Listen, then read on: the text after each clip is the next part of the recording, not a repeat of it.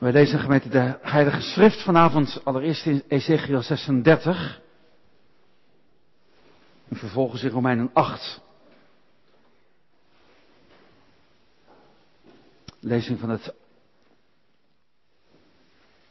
Heilige Schrift in het Oude Testament is uit Ezekiel 36 en we lezen de schriften van het Nieuwe Testament in Romeinen 8.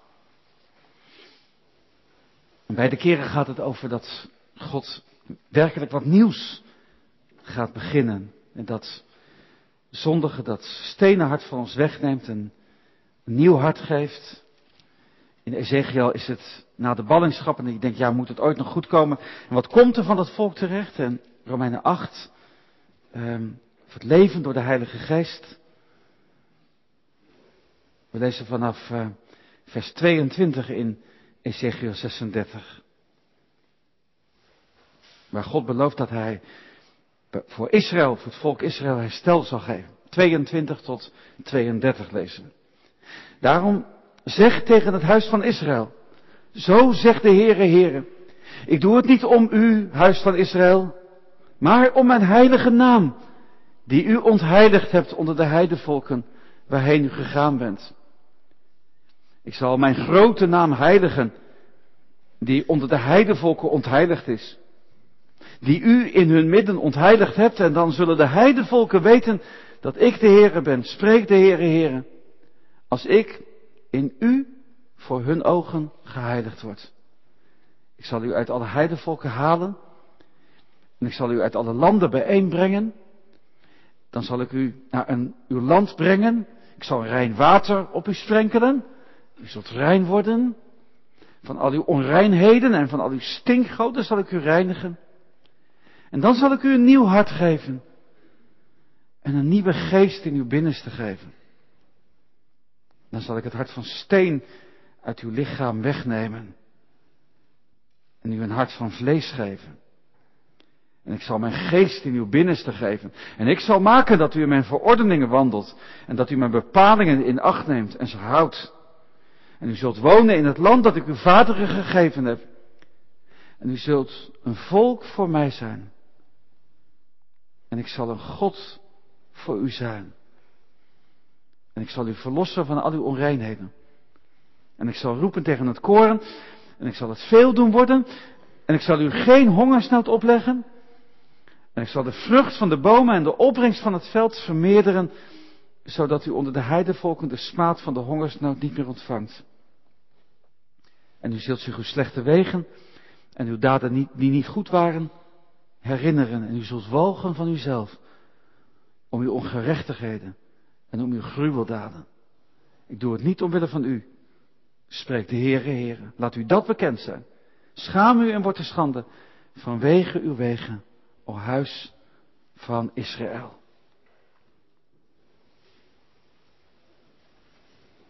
Romeinen 8 vervolgens. 1 tot 17 en 27 tot 30 lezen we. En is in Romeinen 5 gegaan over rechtvaardig door het geloof. Hè, dat je door het offer van de Heer Jezus in een rechte verhouding tot God komt. Romeinen 6 over gestorven zijn aan de zonde. Dat je de, de lust niet meer hebt om te zondigen. Romeinen 7 dat je die strijd tussen vlees en geest nog hebt. Tussen jezelf, je oude leven en, en dat nieuwe leven. En dan Romeinen 8 over het leven door de geest. Dat begint dus zo. Zo is er nu geen verdoemenis voor hen die in Christus Jezus zijn. Die niet naar het vlees wandelen, maar naar de geest. Want de wet van de geest, van het leven, in Christus Jezus, heeft mij vrijgemaakt van de wet van de zonde en van de dood.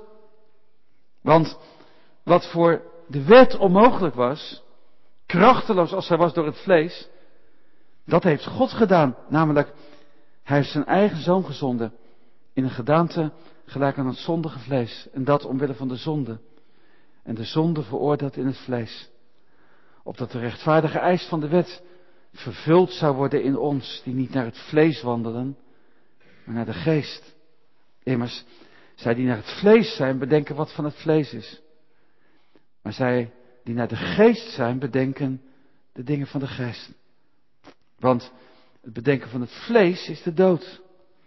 Maar het bedenken van de geest is leven en vrede. Immers, het bedenken van het vlees is vijandschap tegen God. Het onderwerpt zich namelijk niet aan de wet van God. Kan het ook niet. En zij die in het vlees zijn, kunnen God niet behagen. Maar u bent niet in het vlees, maar in de geest. Wanneer althans de geest van God in u woont. Maar als iemand de geest van Christus niet heeft, die is niet van hem. Als Christus echter in u is, dan is wel het lichaam dood vanwege de zonde. De geest is leven vanwege de gerechtigheid. En als de geest van hem die Jezus uit de doden opgewekt heeft, in u woont, dan zal hij die Christus uit de doden opgewekt heeft, ook uw sterfelijke lichamen levend maken door zijn geest die in u woont. Wel nu broeders, wij zijn aan het vlees niet verplicht om naar het vlees te leven. Want als u naar het vlees leeft, dan zult u sterven. Als u echter door de geest de daden van het lichaam doodt, dan zult u leven. Immers, zoveel als u door de geest van God geleid worden, die zijn kinderen van God. Want u, u hebt niet de geest van slavernij ontvangen, die opnieuw tot angst leidt, maar de geest van de aanneming tot kinderen hebt u ontvangen, door wie wij roepen, Abba, Vader. De geest zelf getuigt met onze geest dat wij kinderen van God zijn. En als we kinderen zijn, dan zijn we ook erfgenamen. Erfgenamen van God. En mede-erfgenamen van Christus. Wanneer we althans met hem lijden, opdat we ook met hem verheerlijkt worden. En dan vers 27 tot 30 nog. En hij die de harten doorzoekt, weet wat het denken van de geest is. Omdat hij naar de wil van God voor de heilige pleit. En wij weten dat voor hen die God liefhebben, alle dingen meewerken ten goede. Voor hen namelijk die overeenkomstig zijn voornemen geroepen zijn. Want hen die hij van tevoren gekend heeft, die heeft hij ook van tevoren ertoe bestemd om aan het beeld van zijn zoon gelijkvormig te zijn. Opdat hij de eerstgeborene zou zijn onder vele broeders. En hen die hij er tevoren toe bestemd heeft, heeft hij ook geroepen. En hen die hij geroepen heeft, die heeft hij ook gerechtvaardigd. En hen die hij gerechtvaardigd heeft, die heeft hij ook verheerlijkt. Dit is gemeente het woord van God, zalig allen die het woord van God horen, die het ook in hun harten bewaren en die er ook uit leven. Halleluja. We zingen gemeente na de verkondiging Psalm 73, de coupletten 13 en 14. De tekst voor de verkondiging vanavond is uit Romeinen 8, en daarvan het zesde vers. De apostel Paulus schrijft, want het bedenken van het vlees, dat is de dood. Maar het bedenken van de geest, dat is leven en vrede.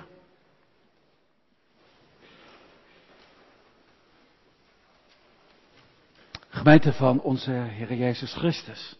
Pinksteren, dat is het feest van de Heilige Geest. Dat hebben we paar weken geleden natuurlijk gehoord, hoe de Heilige Geest uitgestort werd in Jeruzalem. En ik hoop ook dat we ervan over hebben gehouden dat dat een belangrijk feest is. Ik kom er zo meteen nog wel even op terug.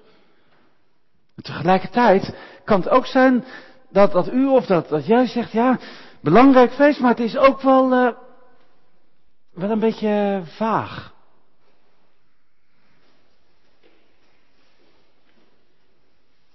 Ik zat uh, een paar weken geleden met mijn kleindochter in de auto. Onze kleindochter. Is drie.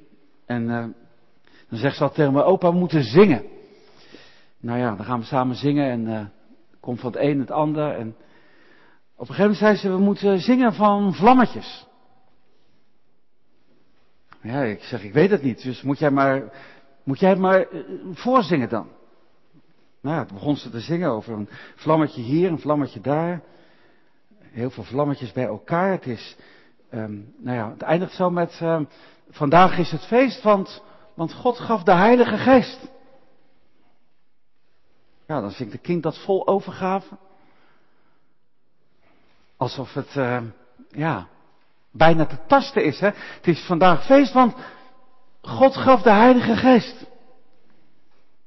Maar goed, als je dan een paar jaar ouder bent, hè, jongelui, of als je nog een aantal jaren ouder bent, dat je denkt, ja, maar ja, kan ook wel een beetje het gevoel geven van, het wordt met die feesten al, uh, al minder grijpbaar. Ja, want kerst, nou dat is, uh, dat, dat gaat over een kindje in een kribbe. Ik zeg niet dat je dat kan begrijpen, hè, dat daar de Zoon van God ligt, maar je kan je dat bij voorstellen. En, en een Goede Vrijdag, dat gaat over de Heer Jezus, die sterft aan het kruis. En, en dan Pasen, dan, wordt, dan wordt het al een beetje moeilijk, hè, dat Jezus opgestaan is uit de dood, niet met uh, zomaar zijn eigen lichaam, maar dat, datzelfde lichaam is van verheerlijkt. Dat kan door uh, gesloten deuren komen en zo. En dan is het hemelvaart. Die die opvaart naar zijn vader in de hemel. En, en dan tenslotte Pinksteren. Ja, dat gaat over de Heilige Geest die is gekomen. Dan kun je daar eigenlijk vooral merken, je kunt het vooral horen aan, aan die discipelen, die dan apostelen worden genoemd en die in allerlei talen de grote werken van God verkondigen. Maar ja, als het nou over Pinksteren gaat, en dat is wel vanavond de vraag gemeente, wat, wat heeft dat nou eigenlijk te maken met uw leven en met het jouwe?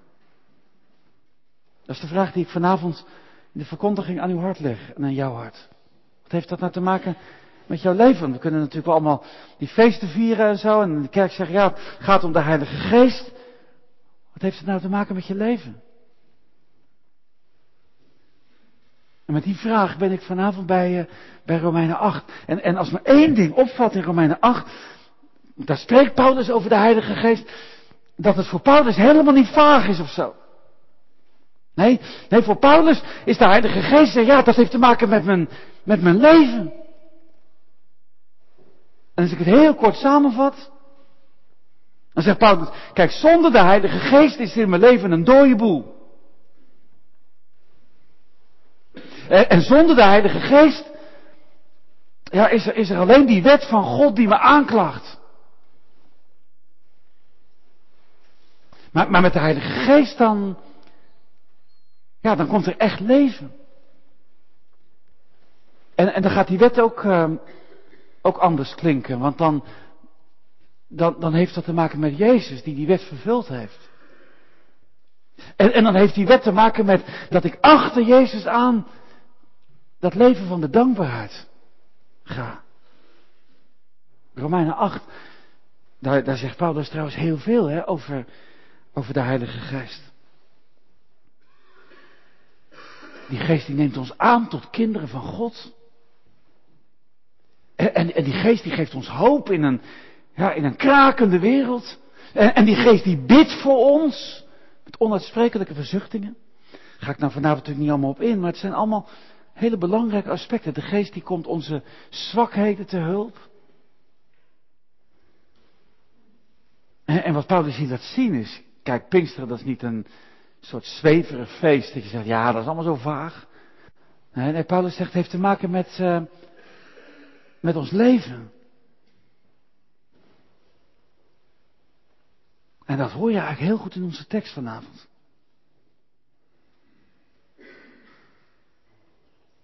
Want, want Paulus zegt, die geest die geeft leven. En, en er staat er zelfs nog achter vrede. Leven en vrede. Ja, dat zijn voor ons natuurlijk hele vertrouwde woorden, hè? Leven. Wat is dat eigenlijk, hè, leven? Soms, soms zijn dingen zo bijna vanzelfsprekend dat je denkt, ja, wat, wat, wat moet ik dat nou uitleggen? Wat is dat nou, leven? Ja, leven heeft te maken met ademhalen, hè? Je leven. Maar, maar leven heeft ook te maken met van, ja, wat, wat doe ik hier eigenlijk op aarde? Leven moet je ook wel een beetje leren.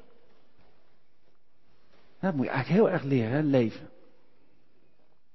Als je, als je 15 bent, dan, dan sta je er weer anders in. Als je 30 bent, en als je 30 bent, dan sta je er weer anders in. Als je 50 bent, als je 50 bent, dan sta je er weer anders in als je, als je 80 bent. Leven. We zijn eigenlijk allemaal wel ook een beetje op zoek hè, naar wat, wat nou echt leven is. Hè. Dan, dan hebben mensen het vandaag, ik hoor dat soms studenten ook wel zeggen, Ja, wat, wat is nou het goede leven? Het goede leven.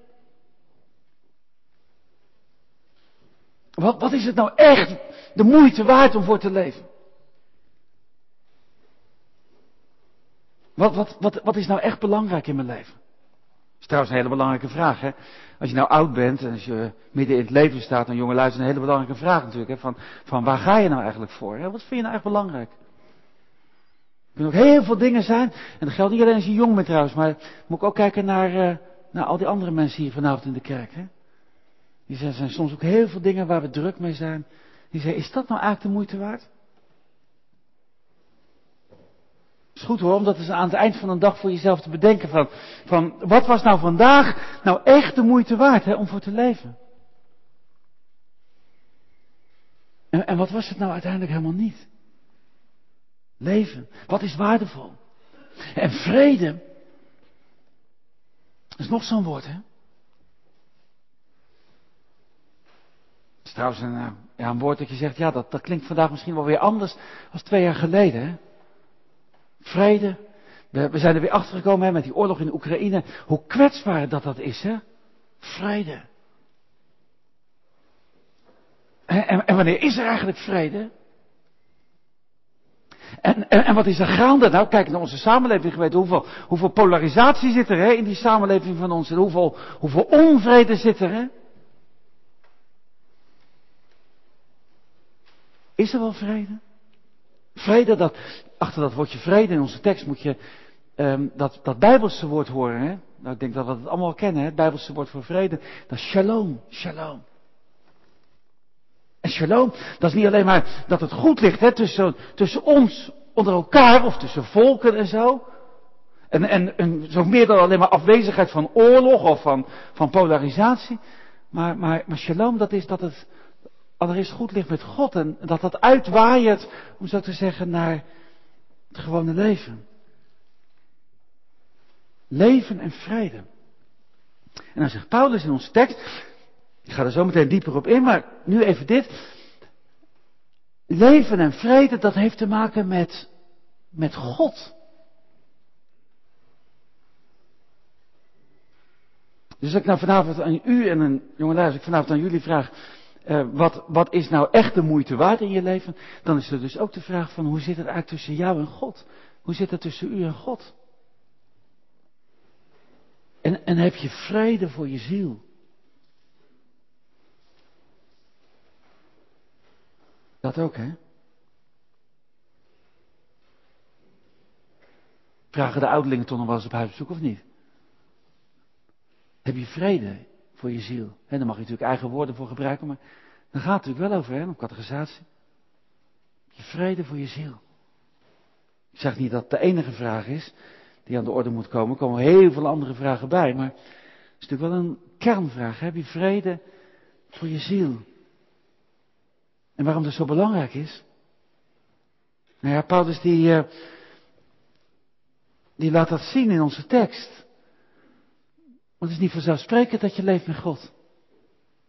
Paulus die zet in onze tekst twee dingen tegenover elkaar. Hè? Dat doet Paulus heel vaak trouwens. Paulus zegt graag met tegenstellingen. En hier is de tegenstelling die van vlees en geest. Vlees en geest. En vlees. Is trouwens wel belangrijk om dat even goed uit te leggen vanavond. Want, uh, want vlees, dat, in die eerste schriftlezing kwamen we dat ook tegen, hè, Ezekiel. Dan, dan zegt God, ik zal dat stenenhart uit u wegnemen en ik zal u een vleeshart geven. En, en dan is vlees, en steen dat staat, nou zo hard als een steen. Dan zeg ik, ja dat, dat is zonder God. En een vleeshart dat, dat leeft. Maar bij Paulus heeft het woordje vlees een andere klank. Daar, is vlees um, ons, ons leven, ons, nou ja, eigenlijk ons leven zoals we dat van nature leven zonder God. En, en vlees, dat, dat heeft daar ook de klank van opstand tegen God. Dat, dat is wat, uh, wat Paulus in de Romeinenbrief zegt. Vlees tegenover de geest. Het leven zonder God. Het leven met God. En, en als het over vlees gaat. Ja, dan, dan zegt Paulus. Uh, dat werkt de dood. dat is vijandschap tegen God. En wie in het vlees zijn, kortom, wie hun eigen leven leven zonder God, die kunnen God niet behagen. Als ik het dan uh, nog maar even wat, uh, wat eenvoudiger zeg, dan zit de deur van de hemel potdicht voor je. Dan kom je er nooit binnen.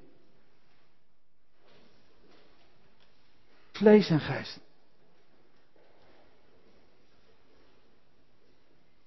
Ik zei al, er zit een, uh, een tegenstelling. En daar moeten we nou eens wat beter nog naar gaan kijken, gemeente. Want, want Paulus laat hier, ja, je zou kunnen zeggen, twee manieren van leven zien. Zijn het, wat is de moeite waard om te leven? ja, zegt Paulus, er zijn twee manieren van leven. Je kunt uh, een leven hebben naar het vlees en je kunt een leven hebben naar de geest. Een leven met God, een leven zonder God. Twee mogelijkheden. Of je doet je eigen zin. Net als dat leven van het vlees. Je leidt je eigen leven. Zonder God. Het denken, het bedenken van het vlees is de dood. Bedenken. Paulus die gebruikt daar een woord. Dat, dat betekent denken. Hè, activiteit van je hersenen. Denken. Maar, maar het gaat niet alleen maar over uh, de dingen die je denkt, over je gedachten, maar het gaat ook over je, je gevoelens en je wil. Over wat je belangrijk vindt en waardevol vindt. Wij zouden vandaag zeggen, waar je in het leven voor gaat, dat is bedenken. Kortom, waar leef je voor? Ik zag dat uh, de NBV 21 het woordje streven gebruikt. Eigenlijk wel een mooi woord, streven. Waar, streef je naar? Wat, wat vind je nou echt belangrijk? Nou, zegt Paulus, of je laat je leven bepalen door, door het vlees, door je eigen zondige gedachten. Ja, dat eindigt in de dood. Of je laat je leven bepalen door de geest van God.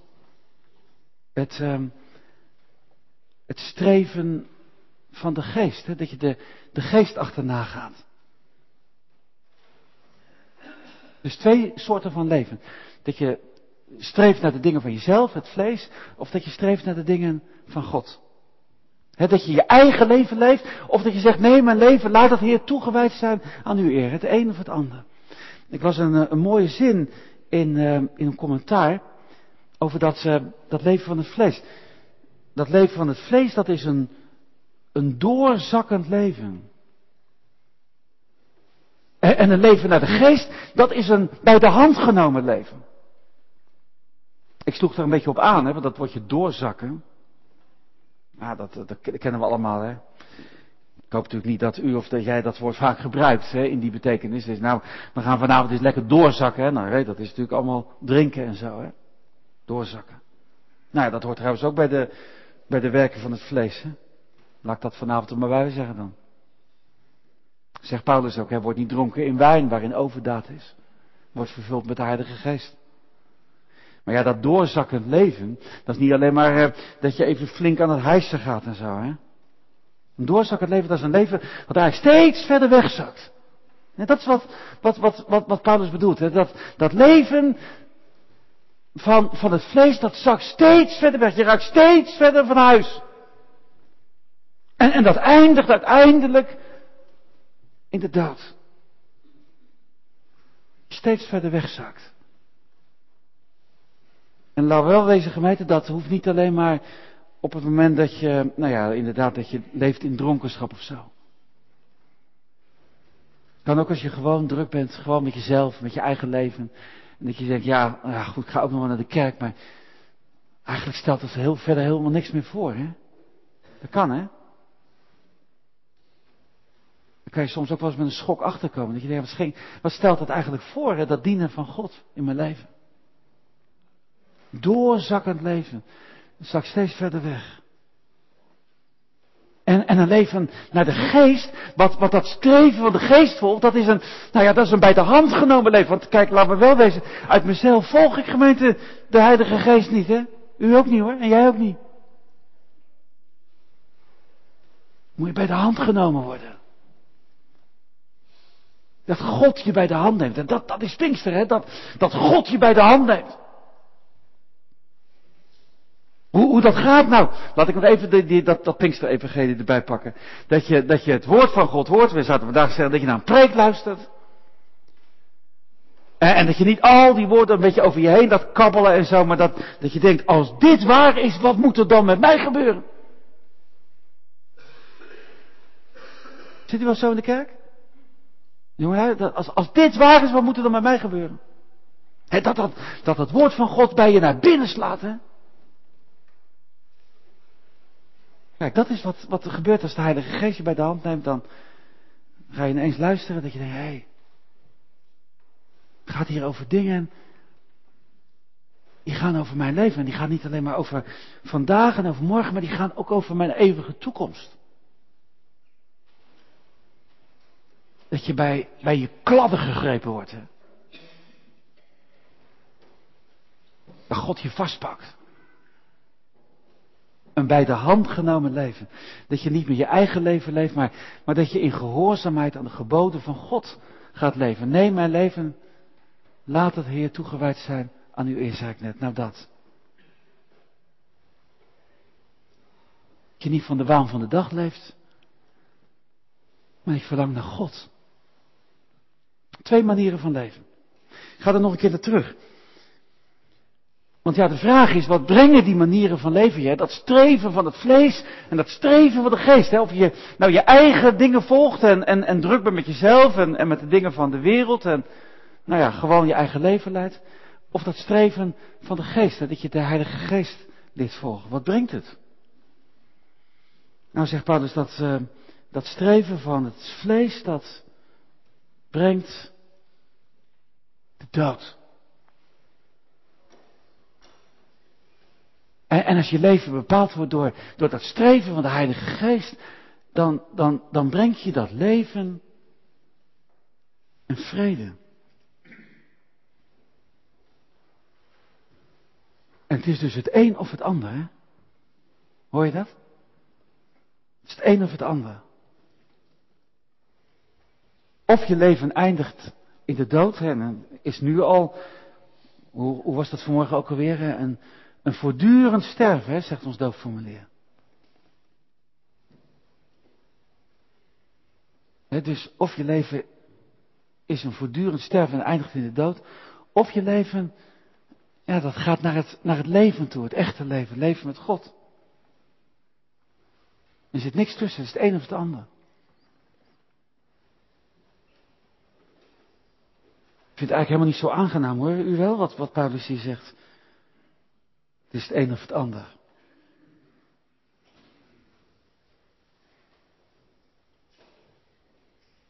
Ook wel heel radicaal, hè? Paulus zegt. Of de dood of het leven. Niks ertussen. Was het eigenlijk niet zo bij mensen van onze tijd, hè? Willen graag altijd een beetje nuances en nou ja, een beetje dit, een beetje dat. Nee, nee, zegt Paulus, het is het een of het ander. Dat, dat is ook wel de verkondiging, hè? Het is het een of het ander. Het leven van het vlees, dat werkt de dood.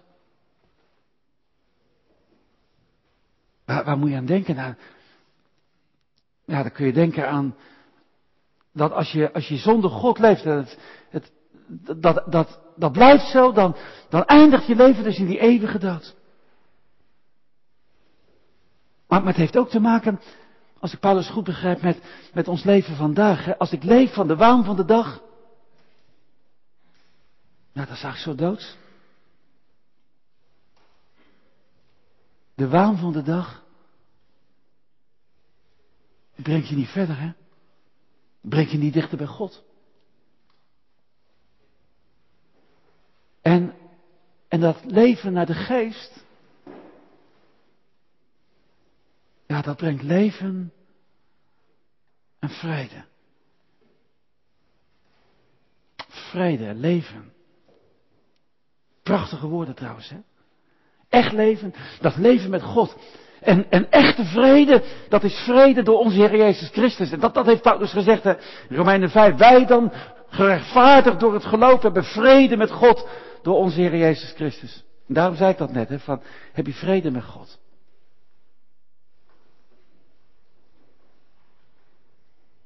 Als ik nog eens even naar die tekst kijk, gemeente, dan zeg ik, zei precies andersom als dat ik denk hè, uit mezelf. En ook precies andersom dan dat uh, de wereld me dat leert. Hè. Die, die zeggen van, kijk, als je, als, je, als, je de, als je met God gaat leven en als je, als, je, als, je, als je naar de kerk gaat en zo, ja, dan mag je niks meer.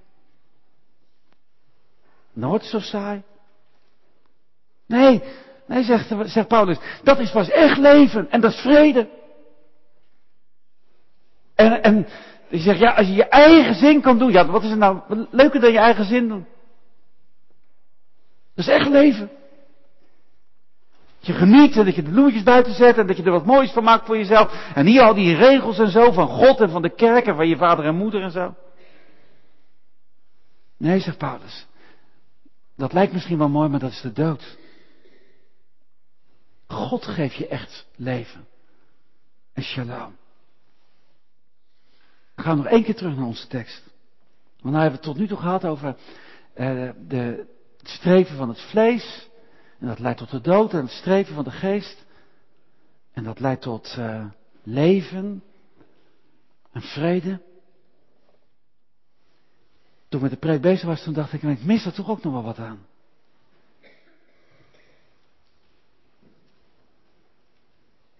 Want kijk, theologisch uh, kan dat misschien allemaal kloppen en zo, hè. Zijn ook boekenkasten over volgeschreven, hè?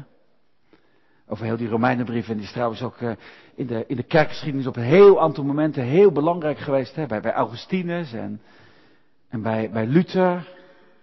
En bij uh, Kolbrugge. En in de 20e eeuw bij Karl Baart. Nou, ieder op een wel verschillende manier dan wel. Maar toch altijd wel die Romeinenbrief op een of andere manier. Theologisch betoog. Ik zou zeggen, het is goede theologie.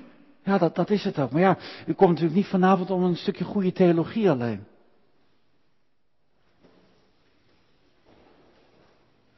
Ik liet dat net natuurlijk al een beetje merken, hè, het gaat over je leven. Daarom kom ik vanavond nog een stap dichterbij. Over uw leven en jouw leven en mijn leven. Want je kunt ook denken, ja, is dit het nou, hè? Blijft dat toch niet een beetje zweven? Ik had het uh, straks aan het begin van de preek. Pinksteren, ja, kan ook een beetje een zweverig feest zijn en zo. Gaat het wel over mijn, mijn leven? Ik vind dat wel een belangrijke vraag hoor. Het is voor mij wel een vraag die ik ook steeds weer aan, aan mijn eigen preken stel. Gaat het wel over, over het leven, hè? ook van, van mensen die, die, die het horen? Gaat het wel over ons leven vandaag? En daar, daarom gemeente die, die vraag vanavond. Waar staat u nou in dit verhaal? En jij? Want dat is de vraag, hè? Waar sta je nou? Ik ga nog één keer terug naar onze tekst. Naar dat woordje bedenken of streven. Je, je, je kan dat woord namelijk ook vertalen, zag ik, met een kant kiezen. kant kiezen. Nou, dat is vanavond de vraag, hè. Welke kant kies je? Waar laat je je door leiden? Door wie laat je je leiden? En, en wat bepaalt nou de richting van, van je leven? Kies je nou de kant van het vlees? Van de geest. Kijk, de kant van het vlees kiezen, daar, daar hoef je eigenlijk helemaal niks voor te doen. Hè? Kun je gewoon je eigen leven doorleven. Maar ja, zegt Paulus, dat is wel een dode boel, hè? Dat eindigt met de dood.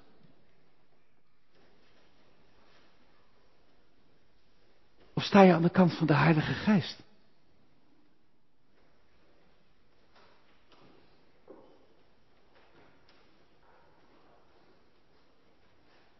Wordt je leven bepaald door God.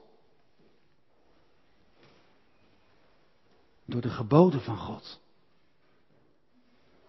En door de genade van God. Kan natuurlijk best spannend zijn, hè? Ik herinner me dat ik, uh, toen ik predikant in Groot-Ammers was, wel eens bij een oude weduwe kwam. En die woonde daar ergens achteraf. En kwam je daar binnen en had je soms het gevoel dat je een andere wereld instapte.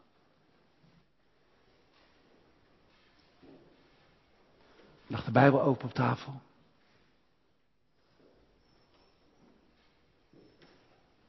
En er was stilte. Ik had toen al het gevoel dat je soms een andere wereld instapte. En dan, nou ja, dan praat ik over, uh, over twintig jaar geleden. Natuurlijk alleen maar gekker geworden hè, met al die druk en die drukte van ons. Des te meer de vraag, als God je nou vanavond tot stilstand brengt. Als God nou vanavond tegen je zegt, waar leef je voor? Waar streef je nou naar? Waar ga je nou voor? Welke kant kies je nou? Heb je gekozen?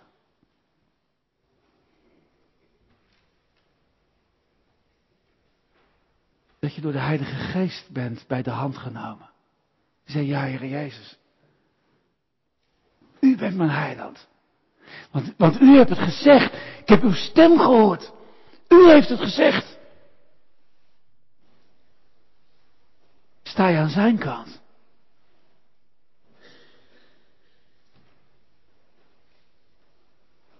Omdat hij naar je toegekomen is. Want dat is Pinkster, hè? Als ik nou aan het eind van de preek nog één keer terug ga naar al die feesten en zo.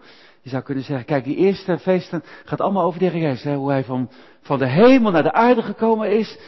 En, en, en, hoe hij hier op aarde dat werk van de verzoening gedaan heeft. Dat hij, dat hij mijn schuld betaalde toen hij aan het kruis hing. En hoe hij teruggegaan is naar zijn vader.